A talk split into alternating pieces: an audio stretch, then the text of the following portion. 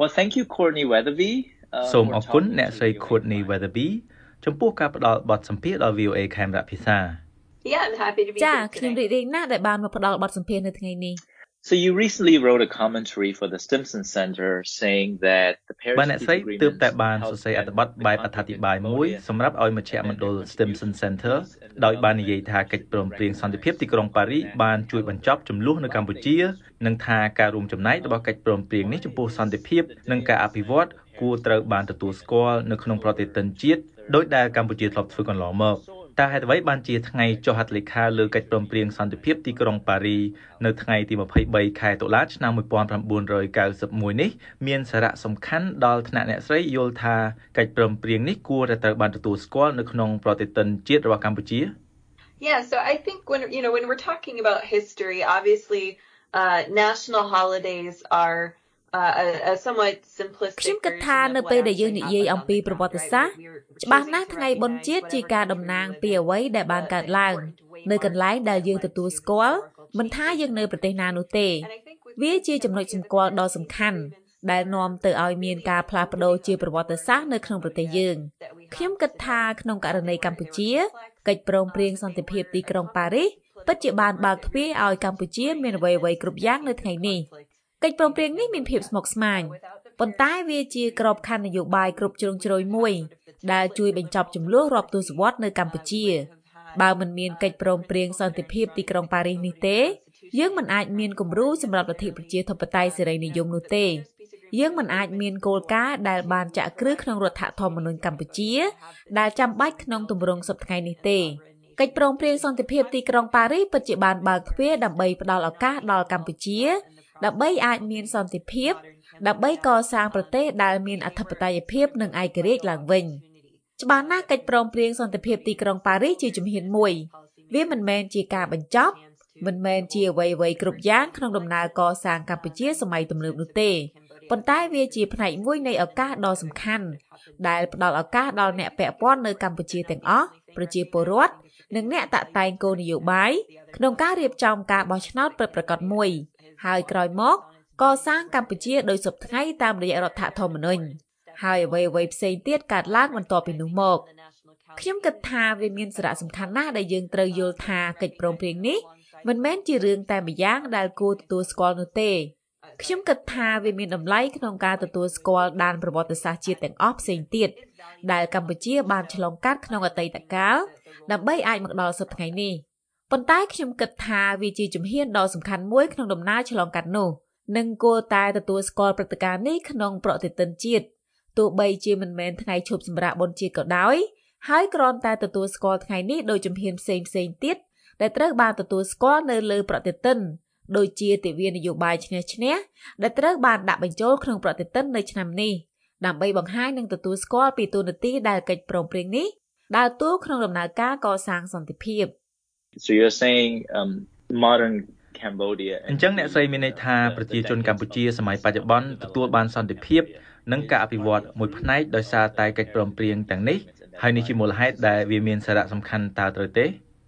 Yeah, I think when you when you look at sort of the many developments ខ្ញុំគិតថានៅពេលដែលអ្នកមើលទៅការអភិវឌ្ឍជាច្រើនដែលយើងមើលឃើញនៅកម្ពុជា រយៈពេលជាង30ឆ្នាំមកនេះតកតងនឹងសន្តិភាពបើធៀបនឹងអតីតកាល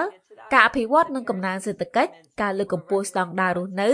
វាច្បាស់ណាស់មានរឿងរ៉ាវផ្សេងផ្សេងគ្នាជាច្រើនដែលរួមចំណែកដល់ការអភិវឌ្ឍទាំងនោះប៉ុន្តែកិច្ចព្រមព្រៀងសន្តិភាពទីក្រុងប៉ារីសពិតជាបាននាំប្រទេសជាង19ប្រទេសនិងភាគីផ្សេងផ្សេងជាច្រើននៅកម្ពុជាឲ្យចូលតុចរចានិងឈានទៅរកកិច្ចព្រមព្រៀងមួយដែលអនុញ្ញាតឲ្យកម្ពុជាបន្តការអភិវឌ្ឍសេដ្ឋកិច្ចក្នុងសន្តិភាពទាំងនោះដោយដាក់ចេញនៅក្របខ័ណ្ឌមួយសម្រាប់ការបោះឆ្នោតពិតប្រាកដ និងបង្រួបបង្រួមប្រជាជនឡើងវិញនិងបញ្ចប់ចំនួនដោយផ្ទាល់ដែលបានបង្អាក់ដល់ការអភិវឌ្ឍទាំងនេះជាច្រើនកាលពីមុន Yeah, thank you. So so you discussed um you know that the day is very important for Cambodians. បាទសូមអរគុណដោយដែលយើងបានលើកឡើងពីមុននេះគឺថាថ្ងៃ23តុលានេះមានសារៈសំខាន់ណាស់សម្រាប់ប្រជាជនកម្ពុជាកិច្ចព្រមព្រៀងសន្តិភាពទីក្រុងប៉ារីនេះប្រហែលជាមិនដូចព្រឹត្តិការណ៍ផ្សេងផ្សេងទៀតដែលជាថ្ងៃបុណ្យជាតិនៅកម្ពុជាទេត្រង់ចំណុចមួយដែលថាវាមានធាតុអន្តរជាតិយ៉ាងច្រើនខ្ញុំចង់សួរអ្នកស្រីថា តើថ្ងៃទី23ខែតុលាដែលជាថ្ងៃចុះហត្ថលេខាលើកិច្ចព្រមព្រៀងសន្តិភាពទីក្រុងប៉ារីនេះមានសារៈសំខាន់យ៉ាងដូចម្តេចវិញចំពោះសហគមន៍អន្តរជាតិ Yeah, so I think you know in in many ways as, as you say the the Paris Peace Agreements ខ្ញុំគិតថាកិច្ចព្រមព្រៀងសន្តិភាពទីក្រុងប៉ារីសជាជោគជ័យសម្រាប់កម្ពុជាប៉ុន្តែក៏ជាជំហានដ៏សំខាន់មួយសម្រាប់សហគមន៍អន្តរជាតិដែរពាក់ព័ន្ធនឹងប្រតិបត្តិការរក្សាសន្តិភាព វត្តមានរបស់អង្គការសហប្រជាជាតិនៅកម្ពុជា បន្ទាប់ពីកិច្ចព្រមព្រៀងសន្តិភាពទីក្រុងប៉ារីសជាការចូលរួមគ្រប់ជ្រុងជ្រោយបំផុតមួយដែលមិនធ្លាប់មាននៅពេលនោះនិងជាការព្យាយាមជួយផ្ដល់សន្តិភាពវិញទៅឲ្យប្រទេសដែលធ្លាក់ចូលក្នុងចំនួនស៊ីវិលអស់រយៈពេលយ៉ាងយូរខ្ញុំគិតថាវាជាឥទ្ធិពលដ៏ខ្លាំងក្លាទៅលើប្រតិបត្តិការរក្សាសន្តិភាពជាច្រើនផ្សេងទៀតដែលអង្គការសហប្រជាជាតិបានចូលរួមក្នុងរយៈពេលជាង30ឆ្នាំចុងក្រោយនេះ វាជាមេរៀនដែលត្រូវរៀនសូត្រទាំងផ្នែកវិជ្ជមាននិងអវិជ្ជមាន ហើយវាពិតជាបានជះឥទ្ធិពលដល់របៀបដែលសហគមន៍អន្តរជាតិយល់ឃើញចំពោះការជួយកសាងសង្គមឡើងវិញ បន្ទាប់ពីចំនួននិងរួមចំណែកជាវិជ្ជមានទៅដល់ដំណើរការកសាងឡើងវិញនេះ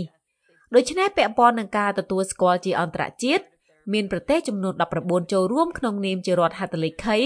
នៅក្នុងកិច្ចព្រមព្រៀងសន្តិភាពទីក្រុងប៉ារីសនេះ ខ្ញុំគិតថាដៃគូជាច្រើនទាំងនេះសម្រាប់កម្ពុជា នៅតែយល់ឃើញថាកិច្ចព្រមព្រៀងនេះជាផ្នែកដ៏សំខាន់មួយនៃទំនាក់ទំនងរបស់ពួកគេជាមួយកម្ពុជានៅពេលបច្ចុប្បន្ននេះប៉ុន្តែខ្ញុំគិតថាសម្រាប់ប្រទេសជាច្រើនដូចជាសហរដ្ឋអាមេរិកជប៉ុនអូស្ត្រាលីនិងប្រទេសផ្សេងៗទៀតរាប់មិនអស់វាជះឥទ្ធិពលដល់ទស្សនៈរបស់ប្រទេសទាំងនោះអំពីការរួមចំណែកដល់ប្រតិបត្តិការរក្សាសន្តិភាពនៅជុំវិញពិភពលោកដែលតាមរយៈអង្គការសហប្រជាជាតិ ប្រទេសជាច្រើនបានចូលរួមនិងគ្រប់គ្រង Many Cambodian Americans and uh, uh, Cambodians who are pro democracy activists បាទប្រជាជនខ្មែរដែលមានសញ្ជាតិអាមេរិកនិងប្រជាជនខ្មែរជាច្រើនដែលជាសកម្មជនគ្រប់គ្រងលទ្ធិប្រជាធិបតេយ្យទំនងជាយល់ស្របនឹងចំណុចដែលអ្នកស្រីបានលើកឡើងពាក់ព័ន្ធទៅនឹងសារៈសំខាន់នៃកិច្ចព្រមព្រៀងទីក្រុងប៉ារីនេះដែលនាំឲ្យមានប្រព័ន្ធប្រជាធិបតេយ្យនយោបាយពហុបករបស់កម្ពុជាក្នុងពេលបច្ចុប្បន្ន ពួកគេក៏នឹងលើកឡើងផងដែរពីថ្ងៃដែលមានការខ្វែងគំនិតគ្នាខ្លាំងមួយនៅក្នុងនយោបាយគឺថ្ងៃទី7មករាដែលជាថ្ងៃផ្ដួលរំលំរបបខ្មែរក្រហមប៉ុន្តែសម្រាប់អ្នករិះគន់ជាច្រើនពួកគេចាត់ទុកថ្ងៃនេះថាជាថ្ងៃនៃការឈ្លានពានរបស់វៀតណាមទៅវិញដោយសារថ្ងៃ7មករានេះត្រូវបានដាក់ចូលក្នុងប្រតិទិនជាតិផងដែរពួកគេថាប្រសិនបើថ្ងៃនោះត្រូវបានដាក់ក្នុងប្រតិទិនជាតិថ្ងៃចុះហត្ថលេខាលើកិច្ចព្រមព្រៀងសន្តិភាពទីក្រុងប៉ារីសក៏គួរត្រូវតែទទួលស្គាល់ផងដែរ ទោះបីយ៉ាងណាក្តីរាជរដ្ឋាភិបាលកម្ពុជាធ្លាប់បានអះអាងថាចំណុចសំខាន់សំខាន់ទាំងអស់នៅក្នុងកិច្ចព្រមព្រៀងសន្តិភាពទីក្រុងប៉ារីសត្រូវបានដាក់បញ្ចូលទៅក្នុងរដ្ឋធម្មនុញ្ញរួចទៅហើយហើយមានទិវាប្រកាសឲ្យប្រើរដ្ឋធម្មនុញ្ញនៅថ្ងៃទី24ខែកញ្ញាហើយគោលបំណងរបស់រាជរដ្ឋាភិបាលកម្ពុជានោះគឺកាត់បន្ថយនៅចំនួនថ្ងៃឈប់សម្រាកនៅកម្ពុជាដោយសារតែមានចំនួនច្រើនពេកបើប្រៀបធៀបទៅនឹងប្រទេសជាច្រើនផ្សេងផ្សេងទៀតរួមទាំងសហរដ្ឋអាមេរិកផងដែរ ចុះតើអ្នកស្រីឆ្លើយតបចំពោះការលើកឡើងទាំងនេះរបស់រាជរដ្ឋាភិបាលយ៉ាងដូចម្តេចវិញ So my understanding is that there's there's sort of a difference between a, a national holiday which is on the calendar and recognized as a ការយល់ឃើញរបស់ខ្ញុំគឺថាមានភាពខុសគ្នារវាងថ្ងៃបុណ្យជាតិក្នុងប្រតិទិនដែលជាថ្ងៃឈប់សម្រាកដែលមនុស្សគ្រប់គ្នាបានឈប់សម្រាកនិងថ្ងៃនៃការទទួលស្គាល់ដែលដាក់ក្នុងប្រតិទិនតែមិនឈប់សម្រាកខ្ញុំគិតថានៅពេលដែលយើងមើលលើលក្ខណៈនៃការឈប់សម្រាកទាំងនេះ គេចង់គ្រប់គ្រងចំនួនថ្ងៃឈប់សម្រាកដែលមាននៅលើប្រតិទិនដោយសារតែវាជាថ្ងៃបុណ្យជាតិដែលតម្រូវឲ្យមានការឈប់សម្រាកពីការងារហើយវាអាចប៉ះពាល់ដល់អាជីវកម្មប៉ុន្តែខ្ញុំគិតថាក្នុងពេលជាមួយគ្នានេះដែរវាជាឱកាសក្នុងការផ្ដល់ការទទួលស្គាល់ចំពោះថ្ងៃដែលមានសារៈសំខាន់ចំពោះប្រទេសដោយមិនចាំបាច់តម្រូវឲ្យមានការឈប់សម្រាកបុណ្យជាតិខ្ញុំគិតថាប្រហែលជាមានឱកាសក្នុងការបញ្ចូលដានប្រវត្តិសាស្ត្រជាច្រើន ហើយខ្ញុំគិតថាវាអាស្រ័យលើប្រជាជនកម្ពុជាក្នុងការកំណត់ថាតើដានប្រវត្តិសាស្ត្រមួយណាក្នុងប្រវត្តិសាស្ត្រជាតិរបស់ខ្លួន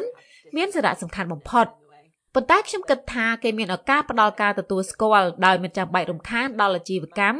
ដែលរាជរដ្ឋាភិបាលបានបារម្ភនោះទេ ជាឧទាហរណ៍តាមខ្ញុំដឹងគឺថាទិវានយោបាយឈ្នះឈ្នះដែលត្រូវបានដាក់បញ្ចូលក្នុងខែធ្នូជាថ្ងៃនៃការទទួលស្គាល់មួយនៅលើប្រតិទិនជាតិ ប៉ុន្តែវាមិនចាំបាច់ឲ្យមានការឈប់សម្រាកបុណ្យជាតិនោះទេ ការធ្វើបែបនេះអាចជាវិធីទៅថ្ងៃអនាគត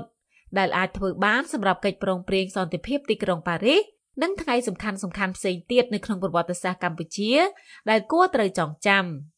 Yes, and talking about remembering, um, you mentioned in your essay that បាទបើនិយាយពីការចងចាំនេះអ្នកស្រីបានលើកឡើងនៅក្នុងអត្ថបទរបស់អ្នកស្រីថាសូម្បីតែបន្ទាប់ពី30ឆ្នាំក្រោយមកវានៅតែមានសារៈសំខាន់នៅក្នុងការក្រឡេកមើលតួនាទីរបស់កិច្ចព្រមព្រៀងសន្តិភាពទីក្រុងប៉ារីសដែលបានធ្វើឲ្យកម្ពុជាដើរលើផ្លូវប្រជាធិបតេយ្យនិងថាគេគួរតែក្រឡេកមើលកិច្ចព្រមព្រៀងនេះនៅក្នុងពេលនេះដោយសារតែកម្ពុជាជាប្រទេសក្មេងខ្ចីមួយ តែអ្នកស្រីអាចបញ្យល់ដល់អ្នកស្ដាប់របស់យើងបានទេ ថាអ្នកស្រីមានន័យយ៉ាងដូចម្ដេចនិងថាតើហេតុអ្វីបានជាព្រឹត្តិការណ៍កាលពី30ឆ្នាំមុននេះមានសារៈសំខាន់ជាពិសេសដល់ប្រទេសក្មេងខ្ចីនេះនិងក្មេងៗចំនួនក្រោយ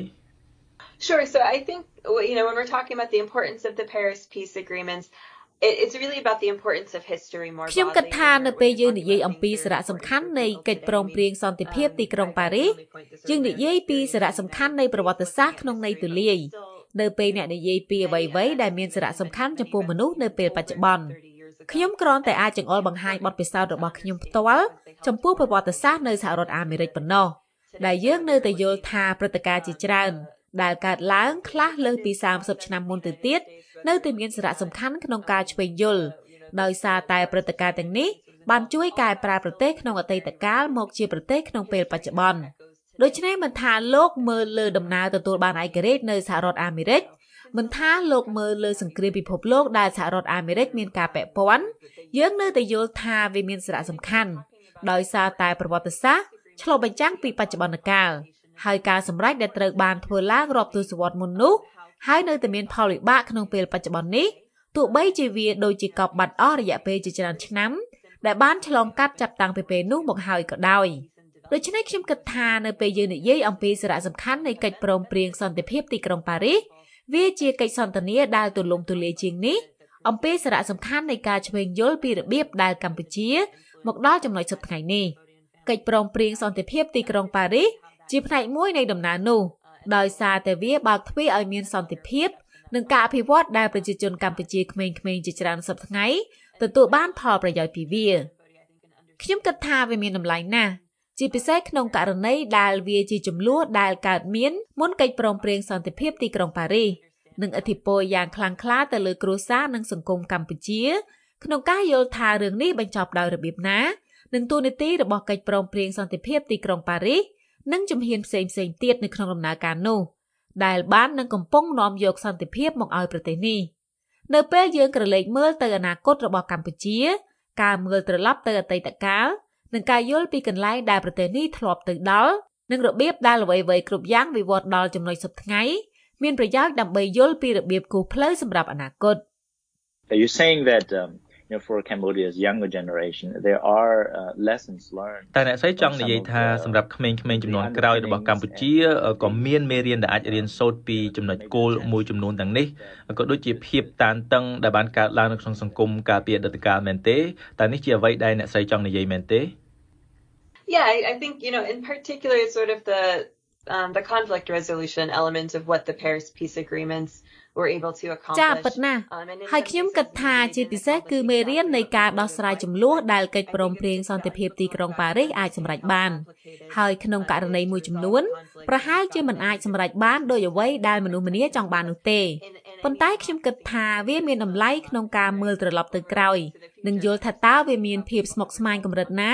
ក្នុងការដោះស្រាយចំនួននៅពេលអ្នកមានក្រុមផ្សេងផ្សេងគ្នាជាច្រើននៅក្នុងសង្គមដែលមានភាពតានតឹងផ្សេងផ្សេងគ្នា ហើយមធ្យោបាយដោះស្រាយចំនួននេះមានសារៈសំខាន់ក្នុងសង្គមប្រជាធិបតេយ្យកម្ពុជានៅតែជាប្រទេសកាន់លទ្ធិប្រជាធិបតេយ្យមិនចឹងនៅពេលយើងមើលទៅអនាគតការយល់ពីរបៀបដែលមនុស្សបានដោះស្រាយចំនួនក្នុងអតីតកាលហើយនៅទីនេះការដោះស្រាយនេះមានភាពរលូននិងអ្វីដែលមិនមានភាពរលូននឹងមានប្រយោជន៍ក្នុងពេលអនាគតដោយសារតែជានិច្ចកាលមានឱកាសដែលចំនួនអាចនឹងកើតឡើងក្នុងប្រទេសណាក៏ដោយដោយសារប្រជាជនមានទស្សនៈផ្សេងគ្នា លើអ្វីដែលគួរជាអាទិភាពបន្ទាប់សម្រាប់ប្រទេសដូច្នេះខ្ញុំគិតថាវាមានប្រយោជន៍ក្នុងការមើលប្រវត្តិសាស្ត្រដើម្បីរៀនសូត្រមេរៀនវិជ្ជមាននិងអវិជ្ជមានពីរបៀបដែលបព្វបរោះរបស់យើងបានដោះស្រាយបញ្ហាទាំងនេះដោយព្យាយាមរកផ្លូវនិងប្រមាលមើលទៅអនាគតនិងយល់ពីជំរឿដែលមានក្នុងដៃនិងប្រហែលជារៀនសូត្រពីអ្វីដែលមានភាពរលូននិងមិនមានភាពរលូនរបៀបដែលយើងអាចធ្វើឲ្យប្រសើរឡើងនៅអ្វីដែលត្រូវបានធ្វើក្នុងអតីតកាល ច្បាស់ណាស់កម្ពុជាមិនស្ថិតក្នុងស្ថានភាពដូចពីមុនទេនយោបាយនាពេលនេះមានលក្ខណៈខុសពីពេលមានសង្គ្រាមនៅពេលនោះប៉ុន្តែខ្ញុំគិតថានៅពេលយើងឆ្វេងយល់ពីទស្សនៈផ្សេងៗគ្នារបស់មនុស្សម្នាទៅលើអ្វីដែលគួរជាអាទិភាពនិងអ្វីដែលត្រូវធ្វើឡើងដើម្បីជួយប្រជាជនកម្ពុជាបន្តអភិវឌ្ឍនិងធ្វើឲ្យប្រសើរឡើងនៅស្តង់ដាររស់នៅរបស់ពួកគេនិងការទទួលបានអ្វីៗគ្រប់យ៉ាងរបស់ពួកគេស្របពេលដែលពិភពលោកផ្លាស់ប្ដូរនិងសេដ្ឋកិច្ចផ្លាស់ប្ដូរ ខ្ញុំគិតថាវាមានតម្លៃក្នុងការយល់ពីរបៀបច្របាច់បញ្ចូលគ្នា នៅដំណោះស្រាយសម្រាប់អ្នកដែលមានការខ្វែងគំនិតគ្នា។ in addition to um, what you just mentioned earlier about បើក្រៅពីអ្វីដែលអ្នកស្រីបានលើកឡើងមុននេះអំពីប្រវត្តិសាស្ត្រដែលនឹងរលាយបាត់បន្តិចម្ដងបន្តិចម្ដងដោយសារមនុស្សជាច្រើនដែលបានឆ្លងកាត់វានិងចូលរួមនៅក្នុងកិច្ចព្រមព្រៀងទាំងនេះបានចូលនិវត្តន៍ឬក៏បានស្លាប់អ្នកស្រីក៏បានលើកឡើងផងដែរនៅក្នុងអត្ថបទរបស់អ្នកស្រីថានៅក្នុងប្រមាណឆ្នាំចុងក្រោយនេះការនិយាយអំពីរឿងរ៉ាវជុំវិញកិច្ចព្រមព្រៀងសន្តិភាពទីក្រុងប៉ារីសត្រូវបានផ្លាស់ប្ដូរ តើអ្នកស្រីចង់មានន័យយ៉ាងដូចម្ដេចនិងហេតុអ្វីបានជាចំណុចនេះធ្វើឲ្យអ្នកស្រីមានការបារម្ភ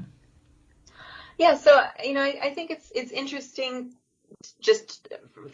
only based on English language so you know វាជារឿងគួរឲ្យចាប់អារម្មណ៍មួយប៉ុន្តែនេះគ្រាន់តែផ្អែកលើភាសាអង់គ្លេសប៉ុណ្ណោះ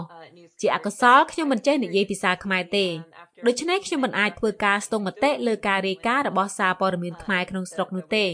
ប៉ុន្តែខ្ញុំចង់ដឹងបន្ទាប់ពីបានមើលឃើញមានការយោងជាច្រើនដល់នយោបាយឈ្នះឈ្នះនិងរបៀបនិយាយអំពីដំណើរកសាងសន្តិភាពខ្ញុំគ្រាន់តែចង់ដឹងថាតើអ្វីៗបានផ្លាស់ប្ដូរក្នុងរយៈពេលជាង5ឆ្នាំចុងក្រោយដោយរបៀបណាអញ្ចឹងខ្ញុំអាចធ្វើការស្ទង់មតិជាភាសាអង់គ្លេសតាមរយៈកាសែតជាភាសាអង់គ្លេសធំៗនៅកម្ពុជាខ្ញុំគ្រាន់តែអានអត្ថបទដែលយោងកិច្ចព្រមព្រៀងសន្តិភាពទីក្រុងប៉ារីសដោយផ្ទាល់និងគ្រាន់តែពិនិត្យមើលអត្ថបទទាំងនោះថាតើអត្ថបទមួយណា ឬមានអត្ថបទប៉ុន្មានភាគរយត្រូវបានចេញផ្សាយនៅជិតខួបលើកទី25ក្នុងឆ្នាំ2016បើធៀបនឹងអត្ថបទដែលត្រូវបានចេញផ្សាយនៅជិតខួបលើកទី30ក្នុងឆ្នាំ2021និងតើមានអត្ថបទប៉ុន្មានដែលបានលើកឡើងពីនយោបាយឈ្នះឈ្នះវាគួរឲ្យចាប់អារម្មណ៍ណាស់ដែលថាចំនួនមានការហក់លោតយ៉ាងខ្លាំងដោយនៅក្នុងឆ្នាំ2016ដែលជាខួបលើកទី25មានអត្ថបទតិចតួចណាស់ដែលយោងដោយផ្ទាល់ដល់នយោបាយឈ្នះឈ្នះ ខ្ញុំរកឃើញតែពីរប៉ុណ្ណោះជាភាសាអង់គ្លេសប៉ុន្តែក្នុងឆ្នាំ2021មានយ៉ាងហោចណាស់ចំនួន17អត្ថបទដូច្នេះវាជាការកើនចំនួនយ៉ាងច្រើនមួយពាក់ព័ន្ធនឹងអត្ថបទដែលយោងនយោបាយឈ្នះឈ្នះស្របពេលជាមួយនឹងកិច្ចព្រមព្រៀងសន្តិភាពទីក្រុងប៉ារីសនៅក្នុងឆ្នាំ2021ខ្ញុំឃើញមានអត្ថបទចំនួន6ដែលយោងតែនយោបាយឈ្នះឈ្នះប៉ុណ្ណោះក្នុងការពិភាក្សាអំពីការបញ្ចប់សង្គ្រាមនៅកម្ពុជា ថាតើវាជារឿងល្អឬមិនល្អ វាឆ្លុះបញ្ចាំងពីការផ្លាស់ប្ដូរនៃការនិយាយពីដំណើរសន្តិភាពនិងពីការបង្កើតកម្ពុជាសម័យបច្ចុប្បន្ននេះខ្ញុំគិតថាវាមានសារៈសំខាន់ក្នុងការយល់ថាប្រវត្តិសាស្ត្រតែងតែផ្លាស់ប្ដូរជានិច្ចប្រទេសជាច្រើននៅជុំវិញពិភពលោកឆ្លងកាត់ចំនួនផ្សេងៗគ្នានៅពេលមានការផ្លាស់ប្ដូរចំនួនកើតឡើងមនុស្សនឹងក្រឡេកមើលប្រវត្តិសាស្ត្រនោះឡើងវិញពួកគេអាចនឹងពិនិត្យមើលវាឡើងវិញក្តីបារម្ភរបស់ខ្ញុំឬនិយាយឲ្យចំជាងនេះគឺការចាប់អារម្មណ៍របស់ខ្ញុំក្នុងនាមជាបុគ្គលម្នាក់ ដែលតាមដានការវិវត្តទំនាក់ទំនងអន្តរជាតិនិងប្រវត្តិសាស្ត្រគឺគ្រាន់តែដើម្បីអាចយល់បានពីរបៀបដែលការនិយាយពីប្រវត្តិសាស្ត្រនេះមានការផ្លាស់ប្ដូរដោយសារប្រទេសខ្ញុំផ្ទាល់គឺសហរដ្ឋអាមេរិកមានជាប់តាក់ទងនឹងដំណើរការសន្តិភាពនៅកម្ពុជានេះខ្ញុំចង់ឃើញឲ្យមានការនិយាយពីប្រវត្តិសាស្ត្រដែលមានទស្សនៈផ្សេងផ្សេងគ្នាគ្រប់ជ្រុងជ្រោយបន្តិចយើងបានឃើញរឿងនេះច្រើនកើតឡើងនៅសហរដ្ឋអាមេរិកក្នុងរយៈពេលប្រមាណឆ្នាំថ្មីៗនេះមានក្រុមជាច្រើន ដែលព្យាយាមឲ្យមានការពិនិត្យមើលឡើងវិញនៅទិវា Columbus ដែលបច្ចុប្បន្នជាថ្ងៃបុណ្យឈប់សម្រាកសហព័ន្ធនៅសហរដ្ឋអាមេរិកវាជាថ្ងៃឈប់សម្រាកពីការធ្វើការនិងត្រូវបានទទួលស្គាល់ដើម្បីរំលឹកដល់ការរកឃើញទ្វីបអាមេរិកដោយអ្នករុករកម្នាក់ឈ្មោះថា Christopher Columbus មានកន្លែងជាច្រើននៅសហរដ្ឋអាមេរិកចង្អុលបង្ហាញថាប្រហែលគួរតែមានការផ្លាស់ប្ដូរពាក់ព័ន្ធនឹងអ្វីដែលកំពុងត្រូវបានទទួលស្គាល់និងគួរតែទទួលស្គាល់ជំនួសដល់ប្រជាជនអាមេរិកកាំង ជនជាតិដើមភាគតិចដែលបានរស់នៅទីនេះមុនពេលលោក Christopher Columbus បានរកឃើញអាមេរិកដូច្នេះមានការជជែកដេញដោលជាបន្តបន្ទាប់អំពីប្រវត្តិសាស្ត្រនិងវិធីក្នុងការទទួលប្រវត្តិសាស្ត្រនៅសហរដ្ឋអាមេរិកខ្ញុំគិតថាប្រទេសទាំងអស់នៅជុំវិញពិភពលោកឆ្លងកាត់រឿងនេះប៉ុន្តែអ្វីដែលសំខាន់គឺការពិភាក្សាទាំងនោះត្រូវបានធ្វើឡើងដោយមានទស្សនៈផ្សេងៗគ្នានិងស៊ីជម្រៅដែលទទួលស្គាល់ពីរឿងរ៉ាវផ្សេងៗគ្នា ដែលបានកើតឡើងក្នុងប្រវត្តិសាស្ត្រ និងមិនមែនគ្រាន់តែលុបចោលនៅដានមួយនៃប្រវត្តិសាស្ត្រដើម្បីយកដាននៃប្រវត្តិសាស្ត្រមួយទៀតមកដាក់ចំនួននោះទេនេះជាអ្វីដែលខ្ញុំគិតថាមានសារៈសំខាន់ក្នុងនាមជាពលរដ្ឋអាមេរិកកាំងនៅពេលក្រឡេកមើលប្រវត្តិសាស្ត្ររបស់ខ្លួនខ្ញុំគិតថាសម្រាប់ប្រជាជនកម្ពុជា ការកំណត់ថាតើដានប្រវត្តិសាស្ត្រមួយណាក្នុងដំណើរឆ្ពោះទៅរកសន្តិភាពឬមានសារៈសំខាន់បំផុតនឹងគួរតែទទួលស្គាល់នៅទីបំផុតវាជាការសម្រេចដែលប្រជាជនកម្ពុជាត្រូវធ្វើដោយខ្លួនឯង ដំណើរកសាងសន្តិភាពជារឿងស្មុគស្មាញណាស់និងមានជំហានផ្សេងផ្សេងគ្នាយ៉ាងច្រើនហើយកិច្ចព្រមព្រៀងសន្តិភាពទីក្រុងប៉ារីសជាជំហានមួយក្នុងចំណោមនោះដែលជាជំហានកន្លឹះមួយដូច្នេះខ្ញុំគិតថាវាមានតម្លៃក្នុងការទទួលស្គាល់នៅពេលអ្នកក្រឡេកមើលថ្ងៃបុណ្យជាតិដែលទទួលស្គាល់នៅកម្ពុជានឹងយល់ដឹងថាគេនឹងមិនអាចមានទិវានយោបាយឆ្នេះឆ្នេះនោះទេបើមិនមានកិច្ចព្រមព្រៀងសន្តិភាពទីក្រុងប៉ារីសជាមុនដើម្បីបើកឱកាសដល់នយោបាយនេះ Uh, do you have any other uh, final comments បាទតើអ្នកស្រីមានមតិយោបល់ចុងក្រោយអ្វីទេឬក៏មានអ្វីលើកឡើងទៅកាន់សាធារណជនកម្ពុជាឬក៏អ្នកតាក់តែងគោលនយោបាយដែរឬទេបាទ Uh no I mean I, I like I said I really just think that as as my role as an outsider មិនមានអ្វីក្រៅតែពីខ្ញុំគ្រាន់តែគិតថាក្នុងនាមជាអ្នកខាងក្រៅខ្ញុំគ្រាន់តែសង្កេតនិងផ្សារភ្ជាប់ចំណុចផ្សេងដែលខ្ញុំមើលឃើញ រវាងការសន្ទនាជាបន្តបន្ទាប់អំពីប្រវត្តិសាស្ត្រនិងការទទួលស្គាល់ព្រឹត្តិការណ៍ប្រវត្តិសាស្ត្រដែលជួនកាលខ្ញុំមើលឃើញក្នុងនាមជាពលរដ្ឋអាមេរិកកាំងដោយសង្កេតមើលអ្វីកំពុងកើតឡើងក្នុងប្រទេសរបស់ខ្ញុំហើយជួនកាលឃើញមានភាពស្រដៀងគ្នានឹងអ្វីដែលកំពុងកើតឡើងក្នុងប្រទេសផ្សេងផ្សេងដូច្នេះខ្ញុំគិតថាអ្វីដែលខ្ញុំបាននិយាយពីមុននេះជាអ្វីដែលខ្ញុំសង្ឃឹមថានឹងមានប្រយោជន៍សម្រាប់កិច្ចសន្ទនានេះហើយខ្ញុំសង្ឃឹមថាប្រជាជនកម្ពុជា អាចបន្តកិច្ចសន្ទនាយ៉ាងសកម្មអំពីរបៀបនៃការទទួលស្គាល់ប្រវត្តិសាស្ត្រនៅកន្លែងសាធារណៈ Um with that uh, thank you so much បាទខ្ញុំសូមអរគុណយ៉ាងច្រើនដល់អ្នកស្រី Courtney Weatherby នាយករងនៃកម្មវិធីអាស៊ីអាគ្នេយ៍នៃមជ្ឈមណ្ឌល Stimson Center និងជាអ្នកវិភាគស្រាវជ្រាវមួយរូបដែលបានផ្ដល់បទសម្ភាសន៍ដល់ VOA ខេមរៈភាសាអំពីសារៈសំខាន់នៃការចងចាំខួបនៃកិច្ចព្រមព្រៀងសន្តិភាពទីក្រុងប៉ារីនិងសូមជម្រាបលាចាស់ខ្ញុំរីករាយណាស់ ហើយខ្ញុំសង្ឃឹមថាបទសម្ភាសន៍នេះនឹងមានប្រយោជន៍